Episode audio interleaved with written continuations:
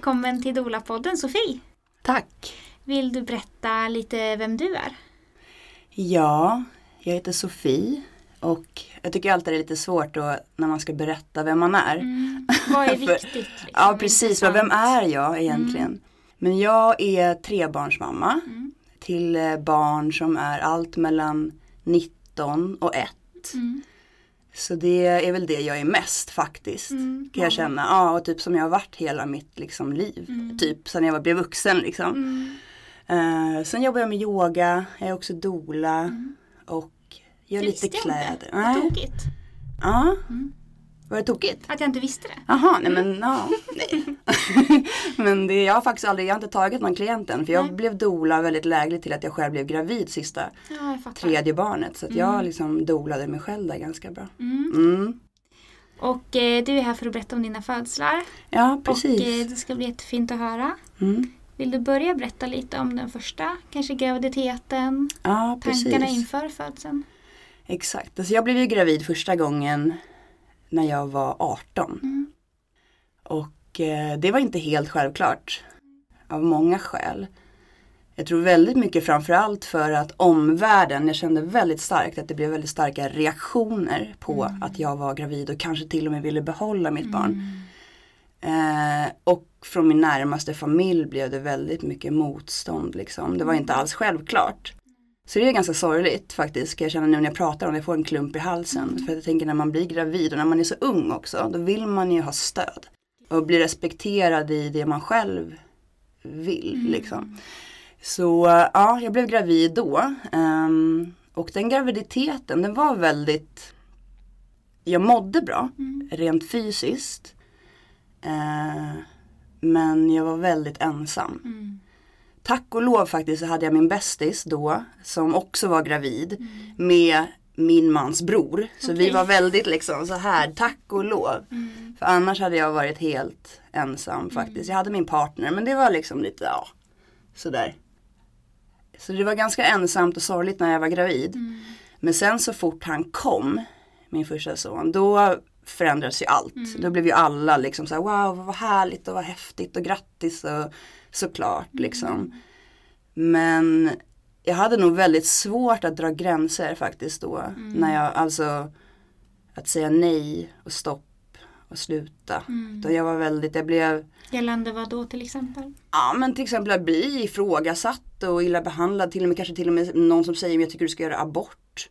När jag inte vill det. Alltså det jag fick, det fick jag ju höra från ung, eller ungdomsmottagningen. För det var där jag var och fick Mm. reda på att jag var gravid hos ungdomsmottagningen. Och det var ju till och med från dem att de var så här, men du kanske ska göra abort.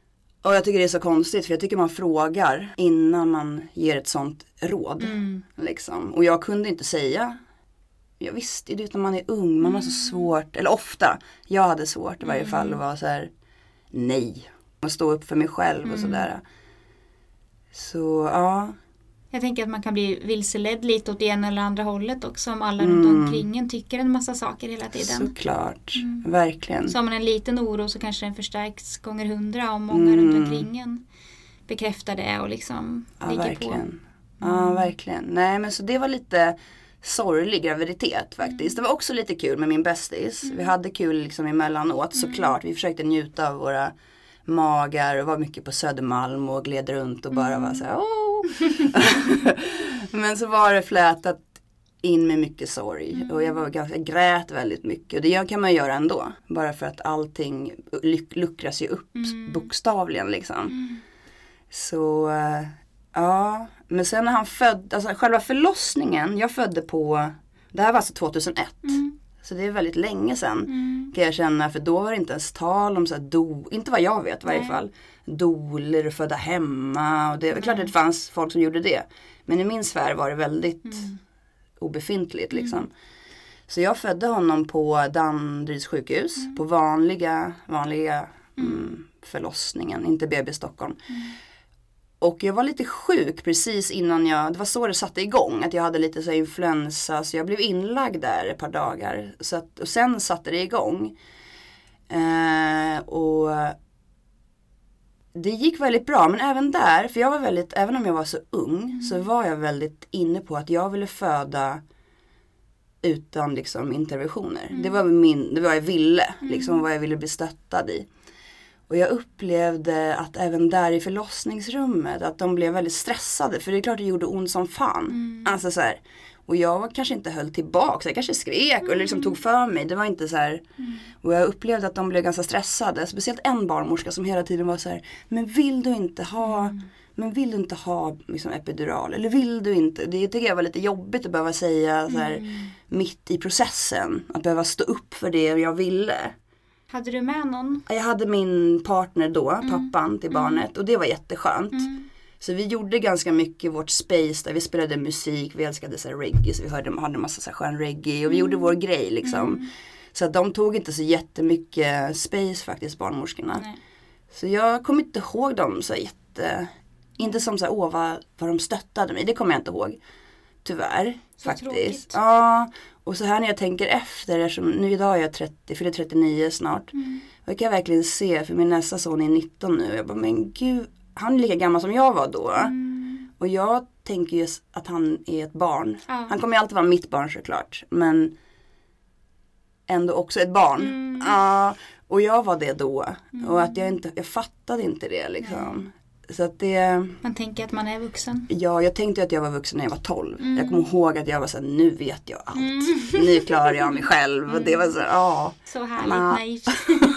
Verkligen, ni känner mindre så idag. Ja. Uh, Så att det, men det var en fin förlossning liksom. Han kom utan liksom, några interventioner. Jag blev ju direkt när han kom ut så var jag ju så här. Nu är jag mamma. Alltså det var väldigt naturligt för mig. Och det var väldigt härligt. Så jag kommer ihåg det bra. Men jag kommer ihåg det också att jag inte riktigt fick den, det stödet som jag tycker att jag borde ha fått. Framförallt i det här att jag kände att det var så, barnmorskorna blev så Speciellt en barnmorska, hon blev stressad av att jag hade ont. Alltså hon blev stressad av smärtan. Det väckte Själv, ja i säkert. henne liksom. Och det känner jag att som barnmorska att man behöver ha jobbat med. Mm. Så att man inte projicerar sin egen så här obekvämhet Nej. på Ja men du vet, för man, man, blir, man är ju superkänslig i det läget. Man suger åt det som en svamp. Ja, ja, varje vibe som är runt är så, så att det var Men när han kom sen så var det ju superhärligt liksom. Mm. Ja. Men det var på, det var på Danderyds sjukhus också. Mm. Det var ju väldigt sjukhusigt. Tänker du på miljön? Ja, på miljön framförallt. Mm. Faktiskt miljön framförallt. Men det är ett sjukhussäng, sladdar, inte så mysigt. Nej. Då tänkte jag inte så mycket på det men idag tänker jag ju på det hur Mm. mycket som helst. Liksom. Var det mycket övervakning, CTG och undersökningar? Ja det var det, det var det. Och jag hade nog inte riktigt redskapen att säga så här, det här behövs inte. Nej. Så. Ja. Men fick du bra stöd av din partner? Eh, jo men det tycker jag, så bra man kan få. Han var ju också jätteung. Mm. Och jag tänker som pappa, om det nu är det som man föder tillsammans med, att de behöver ju också stöd Verkligen. i att ge stöd. Eller förstår du vad jag menar? Så det kanske inte han kunde visste såklart. Nej. Men han var ju ändå verkligen där liksom. Och det ska han ha en eloge för. Mm. Mm. Har du tänkt mycket på den här födseln efteråt? Ja, nu när jag pratar om det och när jag pratar om det så kan jag bli ledsen. Mm. Och framförallt också, inte framförallt men också för processen innan, hela Mm. graviditeten. Att jag bara fick vara så ensam. Mm. För jag kan, jag har ju ett barn till idag och jag kan fortfarande ibland känna mig ensam fast jag är inte alls ensam. Men det är ju så samhället lite grann här i väst är utformat. Att så här, här föd ett barn, så ta hand om det och så var i en lägenhet och Ja. själv och så klara dig. Ja. Det är inte, jag kan verkligen känna hela mitt väsen bara nej. Och samtidigt så orkar jag inte heller vara så här värdinna och bjuda hem folk och så här, oh, förstår du? Styra. Ja, jag vill bara kunna få Så att det kan jag tänka på när jag tänker tillbaks tiden innan också att gud vad jag fick kämpa. Mm. Och jag kunde, kom, kunde känna blickar från människor också. Mm. Alltså när jag var gravid och när han var liten. Att oj, oj, oj. Ska du verkligen klara det här? Att du var så ung och så. Ja, Mm. precis. Och så då var jag också så här lite hippie. Jag hade så här dreadlocks och batikbrallor. Och jag var väldigt så här, oh. Mm. Ja men du vet, jag kanske stod ut ganska mycket Mm. också. Så jag var inte helt mainstream Nej, och smälte in heller. får man ta massa blickar bara för det också. Ja men så det var lite en kombination. Men jag kommer ihåg det var en gång när jag skulle gå av vagn eller bussen med min vagn då. Mm. Och jag tyckte också att folk var så dåliga på att hjälpa till Mm. med att bära av vagnen. Mm. Och då kommer jag ihåg en gång en kvinna, för jag, då vart jag så arg en gång. Så jag bara, snälla kan inte någon bara hjälpa mig? Mm. Så var det en kvinna som vände sig och hon bara, vet du vad? Har man särat på benen då får man faktiskt klara det själv. Och du vet jag bara, alltså shit jag var så ung. Alltså idag hade jag ju bara, alltså herre min gud. Men då jag kunde inte ens Nej. säga nej. Jag, jag, jag, bara, ja. och gick av och grät Ja. liksom. För bara jaha. Men alltså Ja, men även nu tänker jag så här, men gud vad skulle man ens ge för respons på det? Man skulle ju bara bli helt stum. Ja precis men i alla fall inte ta åt sig. Nej, utan mer avfärda henne som en jäkla Mm. idiot liksom. Mm. För det har man ju blivit, jag blivit bättre på att avfärda människor som inte är bra som idioter bara. Låt inte dem ta mitt space liksom i min energi. Men då kunde jag inte. Nej. Så det är väl sånt jag kan tänka tillbaks på. Vi fick en ganska rocky start liksom, jag och min son. Det var väldigt mycket han och jag också. Mm. Eftersom vi, vi hade ingenstans att bo, hade väldigt lite stöd från familj och liksom inte från socialtjänsten heller eller något sånt där. Så vi var verkligen utkastade i så här, klara dig själv. Mm. Och då hans pappa som jag levde ihop med, han jobbade liksom sex dagar i veckan som diskare, du vet 11 timmars pass. Och då var det än, jag var så ensam. Mm. Men tack och lov för min bästis. Annars hade jag nog inte, jag vet inte vad som hade hänt. Nej. Då hade jag nog blivit deprimerad för alltid liksom. Mm. Men så det är väl sånt jag kan tänka tillbaks på i ensamheten väldigt mycket. Mm. Ja, då. Och att det blev så tungt, Mm. alltså att starta så. För det var verkligen en grej, alltså jag tänker, är man 19 år, alltså om kvinnor behöver stöd när de är gravida generellt, när man är så ung, Exakt. behöver man ännu mer stöd. Ja. Någon som håller en och bara, det är lugnt. Ja. Vi finns här liksom. Och Ja. backar upp och liksom. Och verkligen får en att känna att man kan luta sig så här och Mm. vila lite grann liksom. Mm. Så det blev inte så mycket vila. Nej. Det blev ganska mycket kötta på. Och dröjde, hur Mm. länge dröjde det till nästa barn? Eh, nästa barn kom fem år senare. Mm. Mm. Jag kunde inte tänka tanken att liksom skaffa barn tidigare än så. Nej. Det var då jag bara, nej men nu är det okej. Mm. Innan jag kunde inte tänka tanken. Nej. Det var alldeles för mycket jobb tycker jag. Eh, men så att eh, han kom, an, min andra son kom 2006, så fem år senare. Mm. Och det var helt annorlunda. Och han var ju också helt planerad. Mm. Så det är ju också en grej att planera hur mycket man ännu än kan planera graviditeter. Det är inte Första alltid. var inte det. Nej, Nej. nej det var absolut inte det. Nej. Nej. Men så han var planerad så det blev väldigt mycket lugnare. Dels för det, att jag, det var planerat. Mm. Men också för att jag var, nu var jag 26. Ja. Eller 25. Ja, Men vad blir det? Han är född 2006. Ja men någonstans där. Ja. Jag var fem år äldre än 19. Nu är jag 24 helt Mm. enkelt. då. ja men så att och så vilken skillnad det var också att ha gjort det en gång. ja. Kände du dig mycket lugnare Ja, inför? jag var så my- Det var natt och dag faktiskt. Nej, men så den graviditeten var super och då var det också så, jag var så aktiv. Jag var ju också så ung så jag hade jättemycket energi. Jag hade ett yoga och danscenter som jag ägde och vi bara höll på att jobba och fixa grejer. Jag var gravid och jag dansade dancehall och ja men du vet det var väldigt sådär. Men det, jag tänker tillbaka ändå med mycket glädje. Sen hade jag ju också min andra son redan så det var ju inte heller läge att bara, nej men nu ska jag bara vara gravid. Det Nej. var ju liksom, jag var mamma. Det rullar på. Ja, det rullade på. om man, om man liksom, oavsett så gjorde det det bara. Mm. Mm. Vardagen och allt. Mm. Ja, verkligen. Och hur började den förlossningen? Alltså den, det var så annorlunda. För den förlossningen började på min balkong hemma. Eh, Jag bodde i Akalla då. Då hade vi liksom, ja, med en vanlig förortslägenhet. Men vi hade balkong lite högt upp. Jag kommer ihåg att det var så här fullmåne. Och jag fick en sån här, jag bara, "Nej, nu ska jag dricka hallonbladste. Och så här, för jag kände, nu, det är någon, man känner ju på sig. Det går inte att förklara vad det är man känner. Men man känner att det är Ja. någonting som, man kanske börjar vika kläder. Eller du vet, börja städa på något sätt för att bygga bo eller så. Men då började det på kvällen när liksom min äldsta son och hans pappa hade gått och lagt sig. Så låg jag på balkongen kommer jag ihåg. Så var det fullmåne och jag bara kände att det satte igång liksom. Men jag var så himla trygg då. Mm. Så jag tänkte inte ens som tanke att jag skulle ringa någon förlossning. Eller jag var såhär, det här funkar jättebra. Så processen rullade på. Mm. Sen kommer jag ihåg att det gick faktiskt när slemproppen gick. Och vattnet gick liksom. Och då satte det igång ännu mer. Mm. Var det några timmar senare eller hur länge? Ja men det var ganska, det var ganska, det kanske var sex timmar senare. Mm. Men sen kanske någon timme efter att det hade hänt, då kände jag så här, men nu kanske det är dags. Ja. Var planerade du att föda då? På BB Stockholm var det. Just på grund av att jag upplevde lite den här sjukhus, sterila, inte mysiga miljön första gången som lite besvärande. Och så ville jag också bli stöttad i att föda utan intervention om det var det jag ville. Att det inte skulle vara något så här, oj vad konstigt att jag ville det.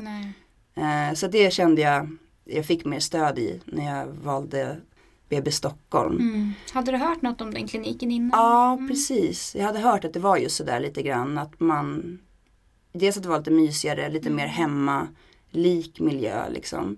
Men också att det var ingenting konstigt heller om man inte ville föda med bedövning. Nej. Det var också normalt. Ja. Ja. Så att därför ville jag, för jag var ju lite störd över den här barnmorskan som höll på att pressa mig där med min första förlossning. Att ska du inte ta bedövning, du har ju så ont. Men hade den här barnmorskan känt dig innan så hade hon ju förstått vad du ville och eh, Ah. kunnat samarbeta på ett annat sätt. Såklart. Och kanske hade, om hon, nu vet jag inte, men om hon hade sett också fler förlossningar som gick jättebra utan några interventioner då hade hon kanske också känt sig trygg i att det går Absolut. jättebra. Ja. Det är ing, och smärta är inte heller farligt. Nej. För det är det jag kan känna hela våran kultur i samhället är väldigt så här, så fort man har ont, Mm. mår lite dåligt, tänker någonting jobbigt då ska man bara oh, Försöka ta bort, ta bort det. det nu. Alltså, så här, det är väldigt liksom, bara det blir en ångest över att ha ångest för att man inte får liksom känna de Precis. känslorna. Jag tror att man kan bli lite halv som människa då. Ja, verkligen. Faktiskt.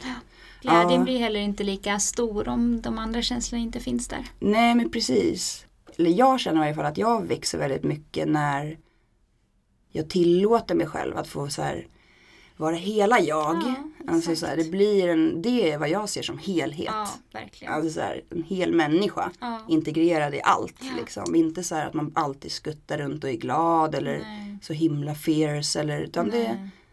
Allt finns att- där hos varje person. ja men precis. Mm. Så att ja, jag hade valt BB Stockholm medvetet. Mm. Det enda jag kan känna med den förlossningen var att vi liksom lämnade över min, då var han fem år, son till farmor. Och han blev så jätteledsen när vi lämnade honom. Jag kan känna, idag hade jag velat ha med honom. För det blev också lite så här med syskon. Jag kan, mm.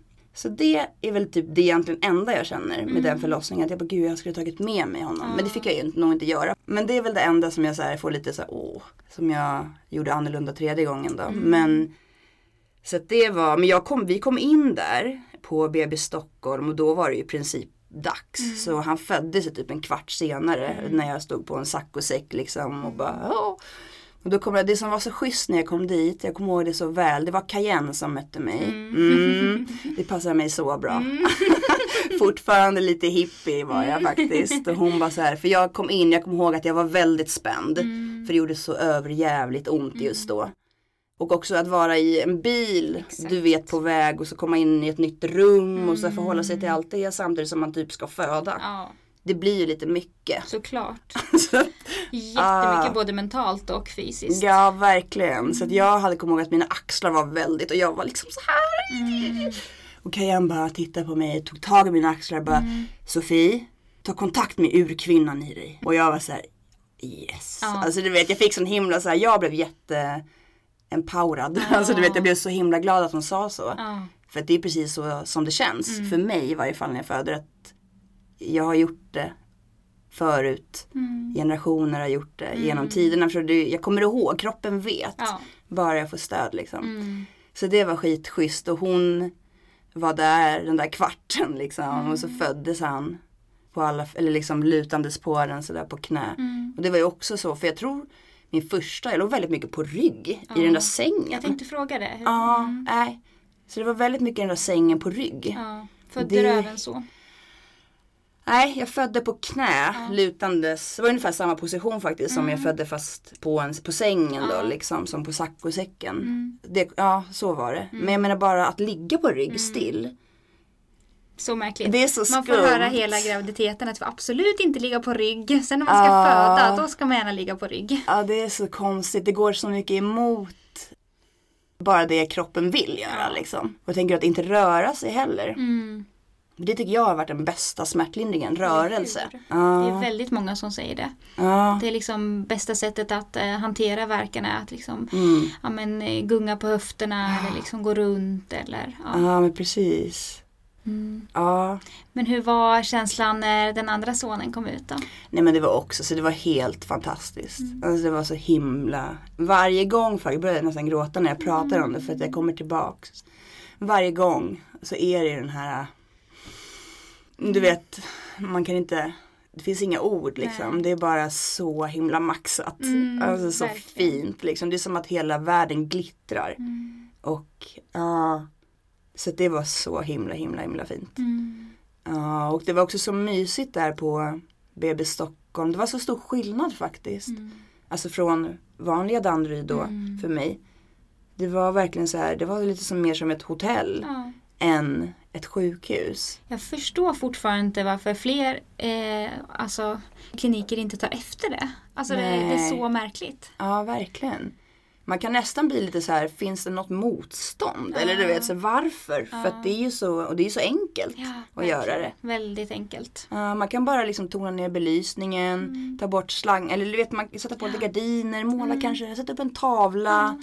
Det är ju så, man behöver inte ha jättestora kostnader för att Nej. fixa ett rum Nej, lite mysigt. Nej. Jag fattar inte varför de som inte de som jobbar där inte heller liksom driver det jättemycket. Ja. För att jag tänker, eller det kanske de gör, men jag tänker om de Precis. gjorde det, varför lyssnar ingen i så fall? Ja, precis. För det är som du säger, det är inga stora kostnader att måla om ett rum. Och det är Nej. så stor skillnad att ha liksom en, en skön blå eller grön färg på väggarna Ja. istället för kritvitt. Och de där sängarna också, nej. Nej, jag är sån alltså- motståndare mot de där sängarna. Ja, Alltså. de är så, jag vet inte, jag har någon bild på mig själv så från min första förlossning på den där sängen. Jag bara, Mm. ja vad ful den är. Mm. Så det, är typ, det är som att jag är allergisk mot sängen, det börjar klia bara vi pratar om det eh, Ah. över kroppen för att den är så eh, Alltså det är bara att göra kvinnan passiv, att ha henne i sängen. Att hon blir passiv och eh, går att kontrollera typ. Nej, jag Ja. tycker det blir så. Det blir inte, ingen skön vibe liksom med den där sängen. verkligen inte. Och när den står så i mitten av rummet, vad det sänder för signaler liksom. Ja, verkligen. Mm. Ja. Men fick ni en lugn stund tillsammans efteråt? Mm. Både ja. första och andra gången? ja, det tycker jag. Mm. Det hade vi Mm. faktiskt. Mm. För det är någonting som jag tänker mycket på som doula som upplever att Mm. det är väldigt, väldigt stressigt efter bebisen är född. Ja, okej. Eh, när man Mm. liksom vet hur viktigt det är för amning och anknytning och blödning och upplevelse, allting. Att det är Ah. lugnt. Och då är det Ah. ungefär så här 15 grejer på en lista som ska göras under den Ah. timmen. Liksom, när man vet hur viktigt det är för bebisen att få vara ostörd hos mamman. Ja, precis. Ehm, Min första son tänker jag, då gjorde de säkert så här att de klippte navelsträngen. Ja, men du vet, de gjorde väl det där. Liksom. mm, Jag kommer faktiskt inte exakt ihåg men jag antar det. För det var ju så man gjorde. ja, Idag hade jag ju bara sagt nej, nej, backa Mm, liksom. mm. Men då återigen, bara, ja det är väl så här man gör. mm, Liksom. Ja. Man blir ju ganska utelämnad. Men alltså första barnet också, det är ju skitsvårt att veta. verkligen. För det finns ju också, jag menar är man i ett vårdrum också, det är ju Väggarna andas ju någon typ av hierarki. Mm, Alltså det går ju inte att ta bort det. Det Nej. är ju så. Och speciellt om en läkare kommer in. exakt. Då Mm, bara oj. mm. Då ska, då är ju, Ska alla ju- lyssna? Mm. Ja, då får alla liksom, även personalen underordna sig läkaren och liksom. Och det kan kännas lite skumt. För i det här fallet är faktiskt inte läkare bättre på att föda barn. Nej, Det är så. I det här fallet är det inte så. verkligen Liksom. inte. så att det är väl den grejen liksom. Så att, men jag tycker ändå vi fick en lugn stund eh, på med båda. Mm. Och det var, jag, alltså jag kommer bara ihåg de där stunderna som så här halleluja. Mm. Alltså Gud, vad där. härligt. Ja, superfint. Mm. Eh, din tredje födsel då? Det gick Mm. några år däremellan. Ja, det gick jättemånga år, Mm. jättemånga. Men det gick ju, hur många, alltså hon föddes ju nu 2020. Mm. Så 2006, 2014 år. Mm. Ja. Mm. Har hon hunnit fylla ett år? ja, Mm. det har hon. Mm, så jag har börjat våga ta mig lite ur bubblan. Mm. För det tog väldigt lång tid faktiskt. Den här gången. Eller jag tillät mig själv att det Ja. skulle ta lång tid. Så att, eh, ja, nej men så att det tog 14 år. Jag måste, var nog ganska Jag ville liksom ha ett till barn. Mm. Men jag tror att jag blev också lite så ärrad också av hela föräldraskapet. Mm. För återigen så tycker jag att man lämnas väldigt ensam. Och så händer det ju både det ena och det andra och det tredje med ens barn och i skolan när de ska börja skola, förskola och du vet man ska förhålla sig till hela världen som kommer över en. Det är inte bara ens lilla hem längre Nej. och vad som händer i vår familj utan nu är plötsligt ska hela världen komma in. Och allting runt omkring då som påverkar ens barn. Jättemycket. Mm, som man inte kan styra över. Precis. Och kanske pedagoger som man tyckte så ja, Mm, det tycker inte jag. nej. Och så ändå så lämnar man dem där för att man Mm. kanske kände att man behövde liksom.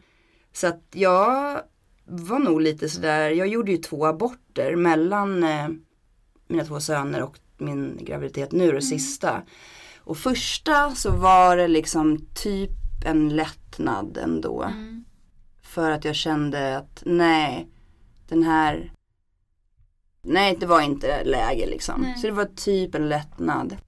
Men sen så gjorde jag en till abort och Mm. det var så Det känns som att man inte pratar så mycket om det heller men Nej. jag blev så förstörd. Mm. Alltså som nu när jag pratar om det blir jag helt så här, började gråta nästan. För det var värsta traumat. Mm. Och jag vet inte varför det blev så olika. Nej. Det tror mycket har att göra med att den personen jag var med då, att jag älskade honom så mycket. Mm. Men att livet, vet, jag hade just skilt mig Mm. och det var kaos. Så att jag kände att jag klarar inte av att välkomna ett barn när det är kaos. Jag orkade liksom inte det. Men jag kommer ihåg att jag åkte liksom till den här abortkliniken Alltså kanske fyra, fem gånger och satt med de där pillerna i handen och bara Nej. Och åkte hem. Och du, drack vin typ för jag mådde så dåligt liksom. Men så jag visste att jag ville göra, nej men det var så skumt. Och sen gjorde jag det till slut. Mm.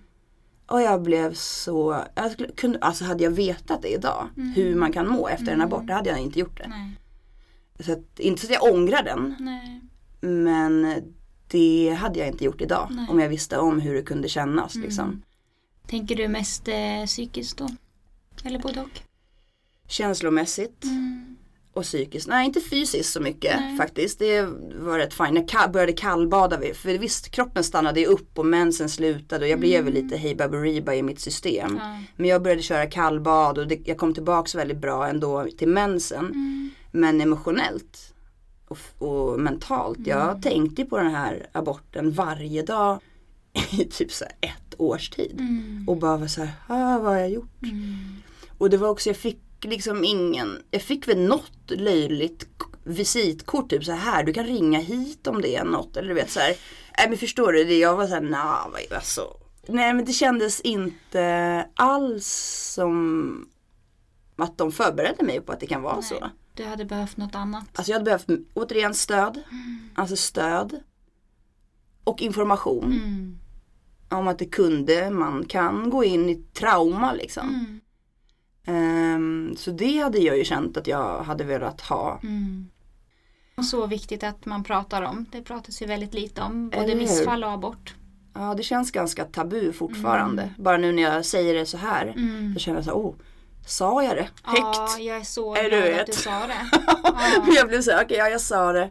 Men det känns i kroppen Ja. liksom. Att det inte är helt okej liksom. Nej. Fast jag har jobbat jättemycket med att det måste vara okej. Mm. För att det var så det var liksom. Man måste ju bryta det och om man orkar och klarar av att liksom Mm, ja, bidra verkligen. till att den där tabun eh, långsamt försvinner. Ja men precis. Mm. Och också, jag tänker att också informera om att det kan vara sjukt jobbigt. För jag tänker också att det är väldigt det kan, det finns någonting med att man tar väldigt lätt på en abort.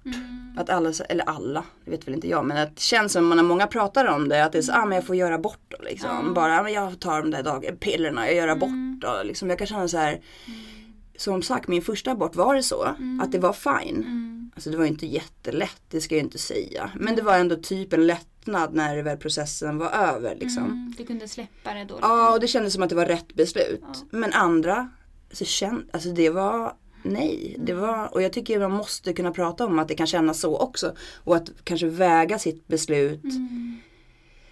med den informationen liksom. Så att det inte bara avfärdas som något supersimpelt. Nej. Bara för att det är piller man tar Nej. liksom. Och så kanske man har hört från någon annan att eh, man bara tog de här pillerna och så, så Mm. blödde man en del liksom. Och, så. Ja, och så den kanske inte hade en jobbig upplevelse rent mentalt så. Men nej precis. det är ju inte helt ovanligt heller. Nej, jag har hört det.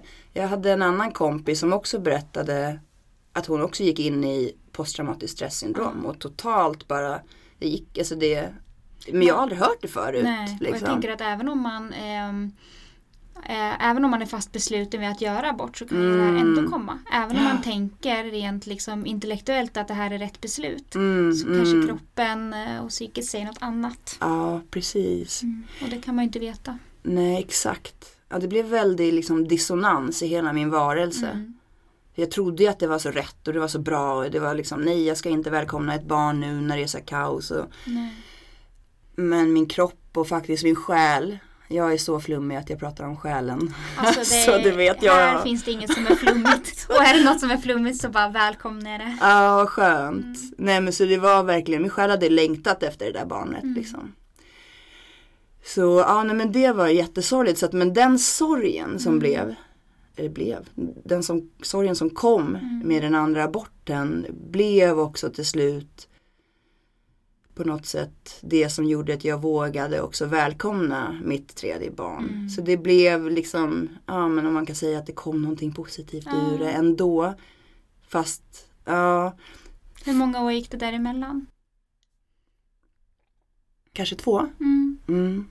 Ja, eh, ungefär.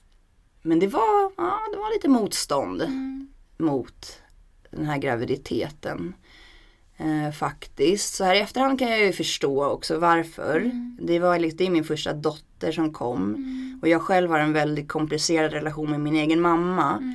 Och jag tror väldigt mycket just mor och dotterrelationer kan antingen bära en jättemycket genom livet eller vara det som gör att hela tiden livet blir lite svårt. Liksom. Att det, blir, det ligger som ett hinder liksom. Mm. Att det inte blev anknytning och connection liksom. Så att jag kan se det så här i efterhand att det var det som låg emellan. Men jag var ändå så här, nej. Jag har bestämt mig någonstans i livet att jag skulle välkomna liksom det högsta bästa för mig. Och jag vet att det är långt ifrån alltid det lättaste. Men jag har ändå någonstans tagit det beslutet. Mm. Så jag var så här, och jag kände att det här barnet vill komma. Även om jag har mitt motstånd och min, mina små tankar om och rädslor som säger. Och, så var jag så nej, det ska få komma. Mm. Och var det Om här är under graviditeten? Det Eller här, innan du blev gravid? innan jag blev gravid. För det här var ju också väldigt planerat. Ja. Så att jag sa ju ja då till min partner. Det var en ny partner också. Mm. Eh, Så jag bara okej vi kör. Så det var ju verkligen så här okej befrukta mig. Mm. Ja. Så det var ju. mm. Ja det var Ge liksom. mig. Ja men verkligen. Och det var. Jag blev gravid ganska snabbt. Kanske tre månader senare. Det tycker jag det är ganska snabbt. Mm. Och ja, den graviditeten, alltså jag var väldigt bestämd då. Med de erfarenheter jag också haft, både i graviditeten och förlossningen men också i livet generellt. Att inte bry mig om någons åsikt om vad jag ska göra. Nej. Alltså, så jag var såhär, jag bara den här gången, om jag nu ska göra det här tredje gången gilt tror jag. Mm. Då ska det banne mig vara på bara mina villkor. Och jag hade ju en man också som var väldigt med på det. Det var ju det han fick höra från början och det var han super med på. Mm. Han tyckte bara att det var fan vad coolt Och liksom. vad innebar det för dig? Det innebar, alltså det innebar dels att typ inte läsa nästan någon bok. Nej. Mm. Eh, knappt gå någon kurs. Mm. Inhämta väldigt lite så information eh, utifrån om det var ju också min tredje graviditet såklart så man är ju tryggare bara så. Ja. Men det var ändå väldigt viktigt att Mm. liksom på något sätt gå in i min kropp fullt liksom. För jag visste att min kropp visste. Eh, och jag vågade lita på det. Mm. Så det kanske var skillnaden. Eftersom det var tredje så vågade jag lita på att min kropp visste. Ehm, så att det var nog det största. Så, att inte göra någonting Ja. typ. Ibland kan det vara svårt att lyssna inåt om man lyssnar väldigt mycket utåt. Ja, Så att eh, ibland kan det vara bra att stoppa det där flödet av poddar och sånt som vi håller på med. Ah. Men jag fattar verkligen vad du menar. Ja men det är för sig, det lyssnade jag lite på. Ja. Lite poddar, lite kvinnor som berättade om sina förlossningsupplevelser. Det gjorde jag lite grann faktiskt. För det tyckte jag kändes mer såhär, åh mysigt. och sådär. Så det, men inte liksom så mycket så här. nu var jag redan utbildad doula själv också. Så jag hade ju de här födda utan rädsla verktygen. Som också är grymma ju liksom. Men jag kände att det var enough liksom. Eh, jag gick någon liten kurs med en kompis som skulle sätta upp någon sån online eh, spiritual birthing course. Och så gick jag den med henne för att hon behövde lite så folk som kunde ge feedback och så. Men det var ju väldigt mycket gå in i kroppen liksom. Jag åkte till Indien gjorde jag. Eh, hängde på stranden i Goa. Men du vet jag var väldigt så här. Nu är det jag, jag, jag. Ja. och var liksom, ja. det var supermysigt. Såklart att det var min partner också. Fast alltså, mm, det var mer jag. Mm, så var det faktiskt. Och hur Ja. planerade ni inför födseln? Eller gjorde ni det? Ja, ja men precis. Och det är ju lite speciellt för det är hela den här coronagrejen kom ju också. Men för mig, det är ganska roligt för för mig blev det nästan lite bra. För att jag ville föda hemma. Och det hade jag redan bestämt. Men nu de här eventuella skeptikerna som kom när man skulle presentera, när jag skulle säga det. Som bara, är det verkligen tryggt och kan man verkligen? Då var det så här, nej men det är ju corona nu.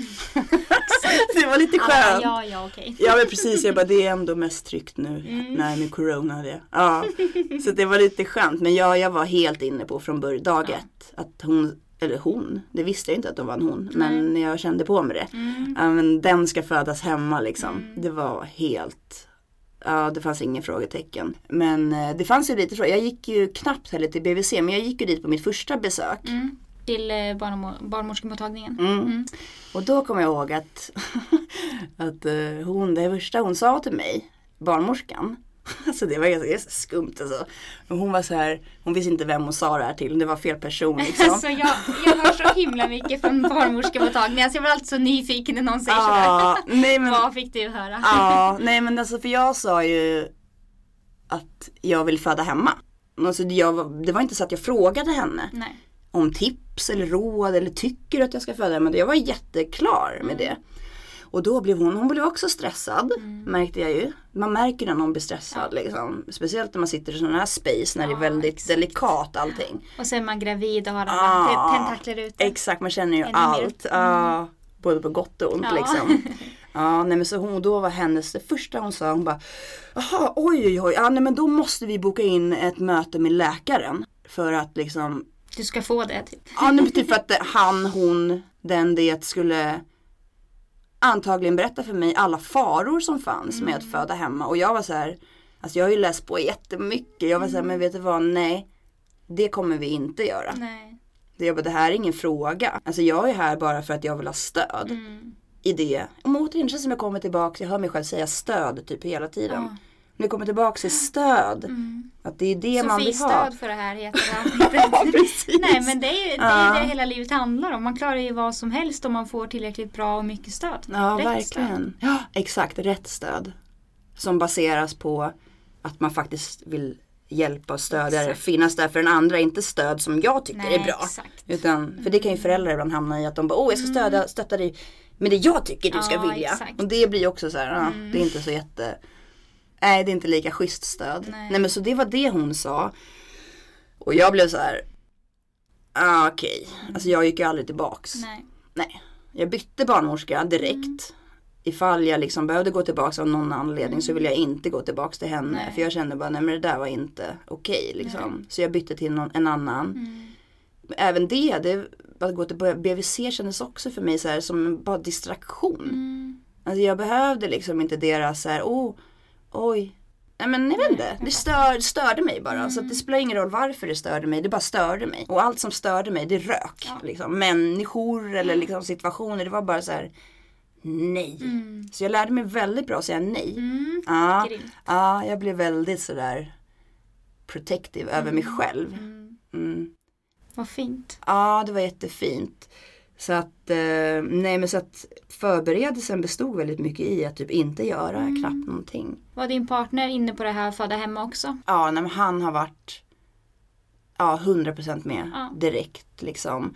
Vilket också är jätteskönt för det skulle vara jobbigt ifall han hade, för det kan jag tänka mig också finns. Mm. Och det är inget fel med det men att många partners blir rädda kanske. Och otrygga för de hör ju också från kanske från BVC eller från andra att oj men det kan ju vara farligt, Mm. ska du verkligen? Och, och då snappar väl de upp det också och kan Ja. bli osäkra och otrygga och det är ju skitjobbigt att föda barn med en partner som är otrygg för då måste man ju själv typ så här Ja. ta hand, nej men det är skitjobbigt. Det blir ta ansvar för den andra personens känslor. Ja. Och det kan smitta av sig. Exakt. Och jag som är medberoende eller som har jag säger- tillfrisknande medberoende. Det där ska jag inte ha. Nej. För att jag är väldigt lätt att jag går in i så oh, alla andra. Ja, men jag kände att nu var det så här, nu var det verkligen jag. Så att eh, ja, han var med på det. Mm. Och det var jätte självklart liksom. Anlitade ni hembarnmorskor privat då? Mm. Och det var Sepide. Mm. Ja, det gjorde vi. Och hon är ju skitgrym. Mm. Eh, Så vi hade några samtal där och liksom. Men sen när det väl satte igång då var jag väldigt Ja, jag ringde henne precis i slutet. För hon Mm. bara om ni vill att jag ska komma då måste jag komma nu. Mm. för hon hörde ju att det är väldigt liksom dags. Mm. Jag är väldigt glad att hon kom. Att jag tog det beslutet att säga ja, kom. Mm. Nej men så att det satte ju igång. Men det var så skönt att det satte igång allting hemma. Mm. Och att jag visste att jag kommer vara här. Alltså om det inte såklart skulle hända någonting. Då åker man ju in. Men alltså det jag hade i. Det är mindre risk att det händer någonting om du känner det lugnet också. jag. Ja men Det är precis. super, super skönt. Ja det var superskönt. Och jag som sagt som är väldigt lätt. När jag hamnar i. i jag är väldigt trygg hemma. Jag är inte alltid jättetrygg utanför mitt hem. Av förklarliga skäl liksom. Och jag börjar anpassa och göra konstiga saker då när inte jag är, men förstår du vad jag menar? Och jag ville verkligen inte det. Och var så skönt också att inte behöva förhålla sig till någon annan människa. Nej. Förutom min familj. För de är jag jättetrygg med liksom. Eh, så att det satte igång. Faktiskt natten innan det satte igång vaknade jag på natten och var så här. Hmm, okej. Mm. Du vet väldigt stark typ mensvärk och ja, men stark, ja, men små förverkar liksom. Mm. Som gjorde att jag vaknade. Så då var jag så här, hmm okej. Och sen dagen efter på dagen då började jag ju såklart hålla på och vika kläder och Mm. boa in och göra en liten garderob eller en liten låda fick hon. Och lite så här, ja men väldigt liksom boa in. Så att jag, jag hade en feeling att det kommer sätta igång Mm. liksom. Och sen på eftermiddagen så började verkarna liksom.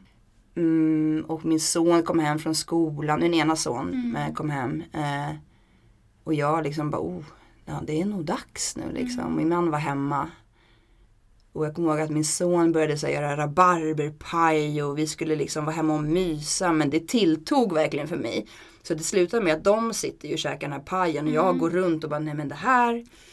Jag bara nu, det här är, nej. Jag vill inte ha paj nu. Nej. Jag behöver ta det här nu liksom. Och apropå rörelse. Alltså det var verkligen så att det, alltså den smärtlindringen. Det enda jag kunde göra var att gå runt. Ja. Och till slut blev det mer så att jag kunde bara hålla på med du vet, magdansliknande. Jag bara det här är det. Jag bara det går inte att göra något annat. Jag kan inte stå Nej. still. Jag kan inte lägga mig ner. Jag, jag var ju lite trött och man kan vara lite lat och bara jag vill bara lägga mig lite. Ja. Men jag bara nej upp. Och rör på dig, rör på dig liksom. Och det funkade så himla bra. Som smärtlindring. Mm. Jag blev faktiskt förvånad själv att det var så bra. Faktiskt. Hade du någon tanke kring bad eller TENS Ja, eller andra nej. typer av smärtlindring eh, som man kan ta hjälp av i hemmet? Mm. Alltså jag hade en tanke. Att jag skulle föda, i- eller, ja, föda i vatten. Mm. Men alltså jag gick och la mig i badet. Och det var verkligen så här, jag bara nej. Uh. Jag kände mig jätte, vi hade inte fixat någon pool eller sådär. Nej. Då jag tänkte badet, det är fine. Ja. Mm. Jag bara det är fine. Men när jag gick i där då var det bara direkt, nej upp. Jag kände att det var jättefel. Jag ville absolut inte vara i badet. Nej, Så då jag, kunde du inte dansa och Nej, men jag kände mig lite fast Mm. där i. Och jag kan tänka mig kanske har man en sån här stor förlossningspool att man kan, man kan ju röra sig mer Ja. såklart. Men ja, nej, men så jag gick upp ganska snabbt ur badet liksom och bara gick runt liksom. Och höll på och så här, mm, ja men du vet och gjorde ljud och bara. Det, jag sa till min son också, det var fint att han var med, min mellersta son. Mm. Eh, för den andra flyttade hemifrån. Nej, men så jag sa till honom, jag bara, det är bara en sak som du får tänka på. Prata inte med mig när jag är i en verk. Nej. Jag bara, det är det enda Mm. regeln faktiskt. Mm. Och han var så här, självklart, han var ju så grym också. Han, fick, han hjälpte ju till och liksom hämtade Ja men du vet servetter och baddade mig Mm. och satt och brummade bredvid mig. Och du vet det var, ja det var så fint. Och så kändes också så naturligt. Ja. Alltså, eller naturligt, men du fattar. Mm. Så himla Självklart. normalt. Ja, självklart. Precis. Det, var så, ja, det här var liksom absolut ingenting konstigt. Nej. Men jag tycker också det är väldigt fint att han också fick se att men att han fick se att så här kan det vara. Precis. För jag tänker också från de flesta av oss får ju kolla på jävla filmer där Mm. kvinnan bara ah, Exakt. Det är panik och det är trauma, det är skrik och det är Ja. läskigt och det är ont och det är det är typ bara hemskt Ja. att föda barnet. Ja. Men sen när det väl kommer är det ju bra. Men själva förlossningen är bara hjälp. Så jag tycker det var väldigt kul. Han, nu vet han. Ja. Så här kan det vara. Ja precis, han var där liksom. Mm. Så det var eh, jättefint. Vad var han då? 14? Ja, precis. Nej, han var 13 och skulle fylla 14. Ja, precis. Ja, men 14. Ja. Mm. Nej men det var jätteroligt faktiskt att han var med. Som sagt han var så himla duktig också. Mm. Eller duktig men du vet det var väldigt Han var världens stöd. Mm. Och jag tänker också så här som barn också. Man växer ju så himla mycket. Eller ungdom. I att vara behövd och ha en Ah, uppgift. Och exakt. vad det är viktig uppgift Ja. också. Men de där baddningarna på pannan. Det var ju Mm. hur viktigt som helst för Ja. mig liksom. Så att det, Så fint att han fick den upplevelsen. eller hur. Mm. Och kul som kille också tänker jag. Verkligen. Mm, läka lite grann. Ja. De där äh, generationssåren. Ja, herregud. Mm. Ja, Och träna sig på att ta hand om andra. Som Mm. ofta kvinnor upp- uppfostrade till att göra. ja, verkligen. Och så himla bra på det liksom. Mm. Så det var, ja. Nej men som sen så, alltså tiden gick och jag gick runt där och vankade av och an och gjorde mina magdansrörelser och Mm. brummade. Men sen så kom Sepide och ja, sen föddes hon ganska snabbt, min dotter, liksom när jag var uppe i min säng där. Jag kommer ihåg att jag skulle jag trodde att jag skulle gå och kissa. Jag bara, nej nu måste jag kissa. Och så skulle jag resa på mig och gå över och sätta mig. Och då bara, det kommer! Och så bara, det bara, ruff, och så bara över till sängen och så bara kom hon ut liksom i mina händer. Jag stod på alla fyra igen. Jag brukar stå på alla fyra, verkar vara min grej. Det är så du Ja, det är så jag föder. det blir så till slut. Men ja. Så det var ju. Det var faktiskt en övning som jag hade i den här kursen jag gick för min kompis. Då var en av övningarna att jag skulle skriva ner min drömförlossning. Mm. Och jag hade faktiskt lite motstånd mot det. För jag tyckte det var lite jobbigt. Jag bara, äh, men jag tar det som det kommer. Mm. För att jag känner ändå att livet har bara slagit till så mycket så att jag bara, nej, men man ska inte förvänta sig något, det blir som det blir liksom. Men sen gjorde jag det till slut. Och så fick jag en fråga efter att min dotter föddes då, Astral. Bara, är det någonting som du hade velat skulle vara annorlunda? Och jag var typ så här, jag vet inte hur länge sedan det var jag kände så, men jag bara nej. Allt var precis så som jag ville. Och det var också så jäkla läkande att det kan få vara så. Det kan få bli som man vill Ja. och som man önskar liksom. Och det var jätte, jättehäftigt. Det är fullt möjligt. Ja det är det. Mm. Och jag menar Sepide som var där också, hon, hon satt ju i princip. Men jag kommer ihåg att hon satt ju bara på min säng liksom och gjorde ju ingenting. Hon var där. Ja. Och det var ju närvaron av henne som var jätteviktig. Inte vad hon gjorde. Nej, exakt. Massa duttar med massa grejer Nej. och hålla på och koppla på och koppla av. Det var ju inte alls det utan det var verkligen hon var där. Ja. Ja. Men precis innan då Astral föddes så då, då blir det ju den här att man bara "Eh, det går inte mer nu. Alltså nu har jag inte mer kvar att ge liksom. Och då kommer jag ihåg att jag vänder mig mot henne. Hon bara gråter en tår av, du vet, jag kan nog inte mer. Mm. Och hon bara tittar på mig och bara typ nickar i princip. Mm. Och det gav mig så mycket styrka att jag bara Jo, Mm. jag kan. För sen kom hon liksom kanske tio minuter senare liksom. Mm. Och Sepide hon gick bara, alltså hon bara försvann ner liksom. Och där var vi tre uppe, vi fyra blir det ju. Jag och min man och min en mellanson och Astral då vi var där. Och bara, uh, ja det var ju också så här, ja men du vet hela världen glittrar typ. Så, de som säger att föda barn inte är en andlig eller kan vara en andlig upplevelse. Jag säger, jag vill säga emot. Mm. Alltså, för de absolut starkaste andliga upplevelser jag har haft det har Ja. varit då. Det är som att, det går, som sagt, det går ju inte att förklara. Jag, säger, jag försöker hitta några ord, jag bara, världen glittrar. Mm. Ja, Eller du vet, ja du vet ju. Men så att det är liksom, Som att allting stannar. ja, allting stannar och det är bara, shh, det är helt tyst liksom. Och ett nytt liv har Mm. kommit liksom. Ja det är häftigt. Mm. Och också apropå det här med klippa navels, alltså det fanns ju ingenting sånt. Alltså, och det hade jag ju redan själv också bestämt. Det där Mm. låg jag med min liksom, moderkaka i en skål och Mm. bara lät det få pulsera klart liksom. Mm. Och det, ja, jag är så tacksam och så tacksam över Sepida också. För hon Mm. var, och så skönt efter faktiskt att hon var där. Mm. För då kunde jag bara ligga där med min bebis och hon fick kolla att det var okej. Det var skönt för mig. Då kan Ja. jag släppa det. Jag bara, hon kollar det. Blödning, bristning. Ja men exakt och bara lite sånt där liksom. Så det var himla skönt faktiskt att jag till slut ringde dit henne. Mm. Ja, Och då fick ni absolut en lugn stund efteråt låter det som. ja det var jättelugnt. Mm. Jag var så glad också att jag, jag tror inte jag gick hemifrån på typ en vecka. Jag, jag lämnade inte dörren. Nej. Eller jag var såhär, jag vill inte träffa någon. Nej. Jag vill inte se något. Nej. Jag vill inte förhålla mig till någon. Nej. Ingenting. Jag vill bara få vara i min bubbla Mm. liksom.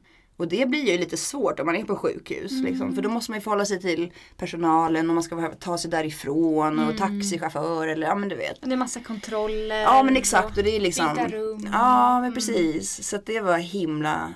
ja, Jag är så glad att jag valde det. Mm. Föda hemma.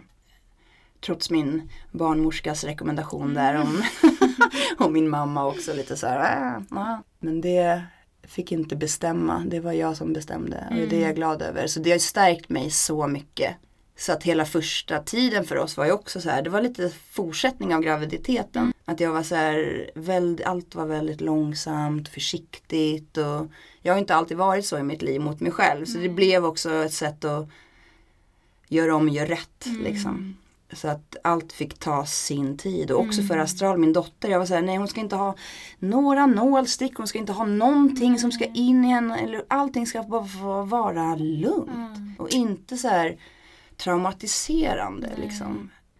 Och det gick ju så bra att göra det när man var hemma. För då Mm. i mitt hem, där bestämmer jag faktiskt. Och de som bor där såklart. Mm. Men när jag är på ett sjukhus så känner jag inte riktigt. Även om jag självklart bestämmer över min kropp Mm. när jag är på sjukhus så känner jag ändå att det blir lite svårare för mig. Faktiskt. Jag pratar utifrån min egen erfarenhet bara om min känsla liksom. Jag tror att jättemånga kan skriva under på det. Ja, Man kan tänka att så det är klart att jag bestämmer över min kropp och över mitt barn men det krävs Ja. väldigt lite för att eh, någon annan ska fatta beslut kring eller ens hur? kropp och, ens barn. Ja, Mm. ja.